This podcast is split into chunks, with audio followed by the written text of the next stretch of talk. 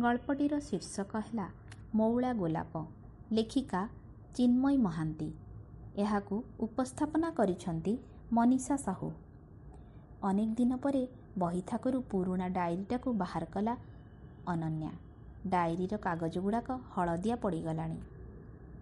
ପୃଷ୍ଠା ଓଲଟେଇ ଚାଲିଲା। ତାରି ଭିତରେ ଖୁବ୍ ନିରାପଦରେ ଶୋଇ ରହିଥିଲା ମଉଡ଼ି ଯାଇଥିବା ଲାଲ ଗୋଲାପଟା। ଅଭିମାନରେ ନା ଅନୁଶୋଚନାରେ? ଧୀରେ ଆଉଁସି ଦେଲା ସେଇ ମଉଳା ଫୁଲଟିକୁ। ସତେ ଯେମିତି ତାରି ଭିତରୁ ସେ ଅନୁଭବ କରୁଥିଲା ଅତୀତର କାହାର ଛୁଆଁ।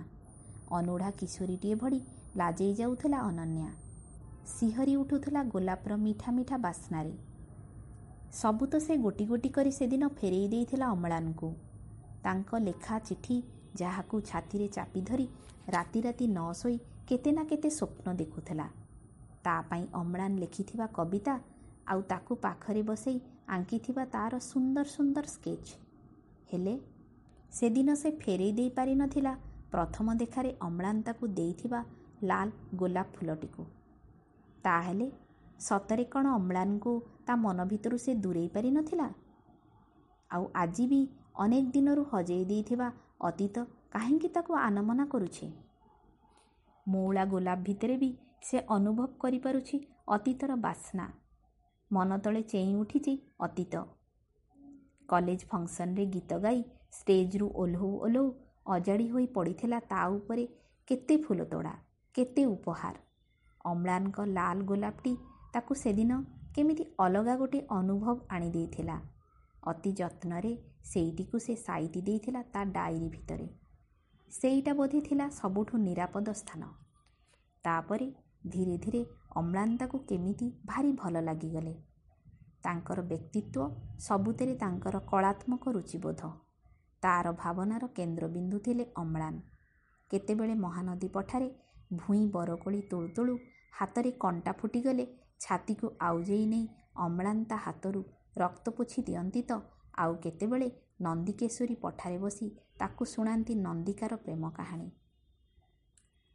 କେତେବେଳେ କଲେଜ ପିକନିକରେ ପଟିଆଲାର ରକ୍ ଗାର୍ଡେନରେ ଘୂରି ଘୂରି ସେମାନେ ଶୁଣୁଥିଲେ ପନ୍ଥରର ସଙ୍ଗୀତ।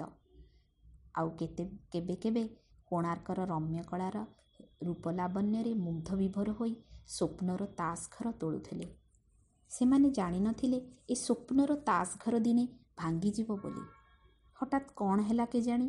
ମୁକ୍ତ ଆକାଶର ପକ୍ଷୀ ଭଳି ଉଡ଼ି ବୁଲୁଥିବା ଅନନ୍ୟାର ଡେଣା ଦୁଇଟି କାଟି ଦିଆଗଲା। ଆଉ ଜୋର ଜବରଦସ୍ତ କରି ତାକୁ ଗୋଟିଏ ସୁନା ପଞ୍ଜୁରୀ ଭିତରେ ବନ୍ଦ କରି ଦିଆଗଲା। ସେ ପଞ୍ଜୁରୀର ନାଁ ଥିଲା ବିବାହ। ତା ଭିତରେ ତା ପାଇଁ ରୂପାଗିନାରେ ଦୁଧ ଭାତ ଖଞ୍ଜି ଦିଆଗଲା। ହେଲେ ତା ଭିତରେ ସେ ଖୋଜି ପାଉନଥିଲା ଖୋଲା ଆକାଶଟିଏ। ଶୁଣିପାରୁନଥିଲା ଝରଣାର କୁଳୁକୁଳୁ ଗୀତ। ବର୍ଷାରେ ଗୋଟାପଣ ଭିଜିଯାଇ ସାଉଁଟି ପାରୁନଥିଲା ନାଲି ଗୁଲୁଗୁଲୁ ସାଧବ ବୋହୂମାନଙ୍କୁ। ଦରିଆ କୂଳରେ ଛିଡ଼ା ହୋଇ ବି ତାର ଶୋଷ ମେଣ୍ଟୁ ନଥିଲା। ଆଜି ବାହାରେ ବର୍ଷା ନାଚୁଛି। ଅନେକ ଦିନରୁ ଶୁଖିଲା ଥିବା ମାଟି ବତୁରି ଯାଇଛି। ଶୋଷି ନେଉଛି ସବୁତକ ପାଣି। ମନ ଭରି ମେଣ୍ଟେଇ ଦେବ ତାର ଅୟୁତ ପିପାସା। ଅନନ୍ୟାକୁ ଅନେକ ଶୋଷ ହେଉଛି। ତା ତଣ୍ଟି ଯେମିତି ଅଠା ଅଠା ହୋଇଯାଉଛି। ଆରେ ତା ଗିନାରେ ତ ତା ପାଇଁ ପାଣି ଭର୍ତ୍ତି ହୋଇ ରହିଛି। ନା ଏ ପାଣି ଗୁଡ଼ାକରେ ସୁଆଦ ନାହିଁ। ମାଟି ବାସ୍ନାରେ ଛିଟିକି ଆସୁଥିବା ପାଣିରୁ ଆଞ୍ଜୁଳା ଆଞ୍ଜୁଳା ପିଇଯିବାକୁ ଭାରି ଇଚ୍ଛା ହେଉଛି। ମାଟିର ଏ ବାସ୍ନା କାହିଁକି? ମିଳନରେ କ'ଣ ଦେହ ମନ ସବୁ ବାସ୍ନାୟିତ ହୋଇଯାଏ? କାହିଁ ସେମିତି ଅନୁଭବ ତ ତାର କେବେ ହେଇନି? ମନର ନିବୁଜ ପଞ୍ଜୁରୀ ଭିତରକୁ ନିଶବ୍ଦରେ ପଶି ଆସୁଛି ଅତୀତ। ମଉଳା ଗୋଲାପଟି ଏଇ ବର୍ଷା ଭିଜା ସଞ୍ଜରେ ତାକୁ ବେଶ ଆପଣାର ଲାଗୁଛି।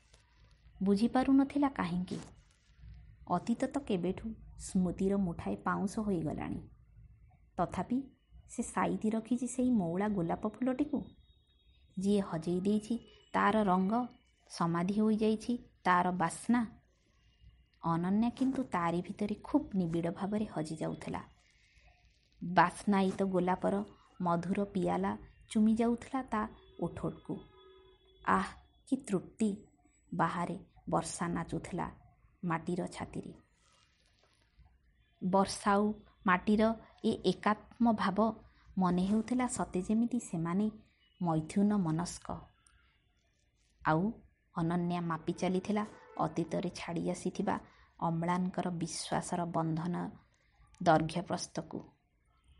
ଦଲକାଏ ପବନରେ ଓଲଟି ଯାଉଥିଲା ନିଷ୍ଠୁର ଇତିହାସର ପୃଷ୍ଠା ସବୁ। ତାର ଯେତେ ସବୁ ଆଦର୍ଶ ସବୁ ନୀତି ସବୁ ମୂଲ୍ୟବୋଧ କେମିତି ସେ ଉଜାଡ଼ି ଦେଇ ପାରିଲା? ଅନ୍ୟର ଖିଆଲକୁ ସମ୍ମାନ ଜଣେଇଲା। ଖୋଲା ଝରକା ଦେଇ ଛିଟିକି ଆସୁଥିବା ବର୍ଷାରେ ମିଶି ଯାଉଥିଲା ଧରା ଦେଉନଥିବା ଅତୀତର ଅଭୁଲା ଲଗ୍ନ ସବୁ। ବାହାରେ ବର୍ଷା ପବନରେ କାକରର ଶୀତଳତା ହେଲେ ଅନନ୍ୟା ମନ ଭିତରେ ଅନୁତାପ୍ର ଜଳନ୍ତ ତାତି ସବୁ ନିଷ୍ଠୁରତାକୁ ସୁନା ପିଲା ପରି କାହିଁକି ସେ ଆଦରି ନେଲା? ଅମ୍ଳାନ ବି ସବୁ କିଛି ମାନିନେଲେ ଚୁପଚାପ। ସେ ତ ସବୁଦିନ ସେମିତି କେଉଁ କଥାରେ ପ୍ରତିବାଦ କରିନାହାନ୍ତି କେବେ? ଏଇଟା ତାଙ୍କର ପୁରୁଷତ୍ୱର ଅହଙ୍କାର ନା ଅପୂର୍ଣ୍ଣତାରୁ ପୂର୍ଣ୍ଣତା ଲାଭ କରିବାର ସାଧନା ବୁଝିପାରେନି ଅନନ୍ୟା। ମନେ ପଡ଼ିଯାଉଛି। ଏମିତି ବର୍ଷାରେ ଭିଜିବା ପାଇଁ ଦିନେ ସେମାନେ ପାଗଳ ହୋଇ ଉଠୁଥିଲେ। ଭାବୁଥିଲେ ଏମିତି ବର୍ଷା ଝରୁଥାନ୍ତା ଅବିଶ୍ରାନ୍ତ। ଆଉ ଗୋଟିଏ ଫାଙ୍କା ଆଶ୍ରୟବିହୀନ ରାସ୍ତାରେ ସେମାନେ ଚାଲୁଥାନ୍ତି। ଅସରନ୍ତି ରାସ୍ତା ସରନ୍ତାନି ଜମା। ଆକାଶରୁ ଗଦା ଗଦା ହୋଇ ପଡ଼ୁଥିବା ସରଗ ଫଳକୁ ଆଞ୍ଜୁଳା ଆଞ୍ଜୁଳା ଗୋଟେଇ ଦେଇ ଦୁଷ୍ଟାମି କରି ଅମ୍ଳାନଙ୍କ ଓଦା ସାର୍ଟ ଭିତରେ ଭର୍ତ୍ତି କରି ଖିଲିଖିଲି ହସି ଉଠେ ସେ। ଅମ୍ଳାନକୁ କୁଆଡ଼େ ତାର ଏଇ ଦୁଷ୍ଟାମି ଗୁଡ଼ା ଭାରି ମିଠା ମିଠା ଲାଗେ। ସେଦିନର ସେଇ ଇପ୍ସିତ ମୁହୂର୍ତ୍ତକୁ ଫେରିବାକୁ ଇଚ୍ଛା କରି ଲହୁଲୁହାଣ ହୋଇଯାଏ ମନ। ଆଜି କାହିଁକି ଅଚାନକ ଭାବେ ଏଇ ଅତୀତ ବିନା ନିମନ୍ତ୍ରଣରେ ବିନା ଅନୁମତିରେ ତା ମନର ନିବୁଜ କକ୍ଷକୁ ପଶି ଆସୁଛି ବୁଝିପାରୁନଥିଲା ଅନନ୍ୟା।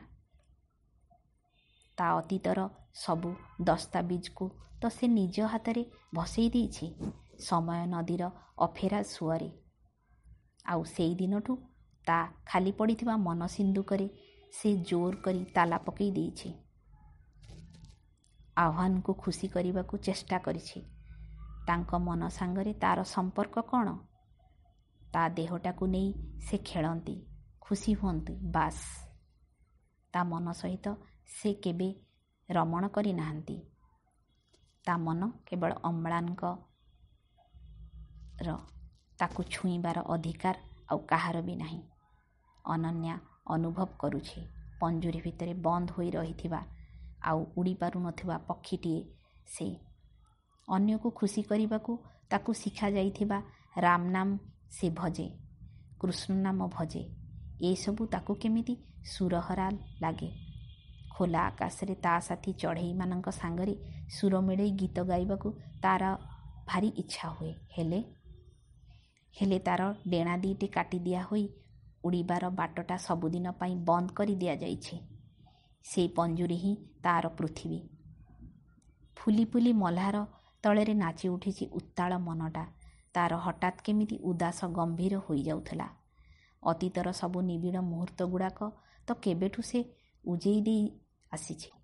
ଆଜିର ଅନ୍ୟର ଖିଆଲରେ ସେ କେବଳ ବଞ୍ଚିଛି ବଞ୍ଚିବା ଶିଖାଇଛି। ମନ କଥା ତାର କ'ଣ ବୁଝିଲା କେଜାଣି? ବର୍ଷଟା ବି ଥମିଗଲା। ଝରକା ବାଟେ ଛିଟିକି ପଡ଼ୁଥିବା ବର୍ଷା ଛିଟାରେ ମିଶି ଯାଉଥିଲା ଅନନ୍ୟା। ଆଖିରୁ ନିଗିଡ଼ି ଆସୁଥିବା ମନର କୋହ ସବୁ। ଘର ଭିତର ବାହାର ଚାରିଆଡ଼େ କଳା ଘୁମର ଅନ୍ଧାରତା ଭିତରେ ବି ଭୟଙ୍କର ଅନ୍ଧକାର ପ୍ରବଳ ବର୍ଷାରେ ବିଜୁଳି ବିଭାଗର ପାୱାର କଟ୍। ଧୀରେ ଧୀରେ ଉଠିଲା ଅନନ୍ୟା। ଦୁଃଖ ଅନୁଶୋଚନାର ଭାରରେ ସେ ଯେମିତି ଅଳସୀ ଗର୍ଭବତୀ। ଏମର୍ଜେନ୍ସି ଲାଇଟ୍ଟାକୁ ଅନ୍ କଲା ତା ମନ ତଳର ଅନ୍ଧାର କିନ୍ତୁ ସେମିତି କଳା କିଟକିଟ। ବାହାରେ କିଏ ଡାକିଲା ଭଳି ଲାଗିଲା। କବାଟଟା ଖୋଲୁ ଖୋଲୁ ତା ପାଟରୁ ଅନ୍ୟମନସ୍କ ଭାବରେ ବାହାରି ପଡ଼ିଲା। ହେଇ ଅମ୍ଳାନ ବର୍ଷାରେ ଗୋଟାପଣ ଭିଜି ଯାଇଛ ଆସ ମୋ ଶାଢ଼ୀ କାନିରେ ତମକୁ ଭଲ କରି ପୋଛିଦିଏ। ଦେହ ଖରାପ ହୋଇଯିବ। ଚିଡ଼ି ଉଠିଲେ ଆହ୍ୱାନ। ଅମ୍ଳାନ କିଏ ଅନନ୍ୟା ଏ ବର୍ଷା ପାଗରେ ତୁମ ମୁଣ୍ଡ ଖରାପ ହୋଇଗଲାଣି ବୋଧେ କାହାକୁ କ'ଣ କହୁଛ ବଡ଼ ବିରକ୍ତିକର ଏ ବର୍ଷା ଆଜି କିଛି କାମ ହୋଇପାରିଲାନି। ଦୁମ୍ ଦୁମ୍ ହୋଇ ଘର ଭିତରକୁ ପଶି ଆସୁଥିଲେ ଆହ୍ୱାନ। ବର୍ଷାଟା ତାଙ୍କୁ ଜମା ଭଲ ଲାଗେନି। ଭୟରେ ଅନନ୍ୟା ଥରିଲା। ହାତରୁ ତଳେ ଖସି ପଡ଼ିଥିଲା ମଉଳା ଗୋଲାପଟି। ଆଉ ଆହ୍ୱାନଙ୍କର ବର୍ଷାଭିଜା ପାଣି ସର୍ ଜୋତା ତଳେ ଦଳି ଚକଟି ହୋଇଯାଇଥିଲା ଅତି ଅସହାୟ ଭାବରେ। ଚଟାଣ ଉପରେ ଆଣ୍ଠେଇ ପଡ଼ି ଅନନ୍ୟା ଆଉଁସି ଚାଲିଥିଲା ତା'ର ଅତୀତକୁ। ଆକ୍ତାମାକ୍ତା ହୋଇ ପଡ଼ିଥିବା ଅମ୍ଳାନଙ୍କର ଶେଷ ସନ୍ତକ ମଉଳା ଗୋଲାପ ଫୁଲଟିକୁ।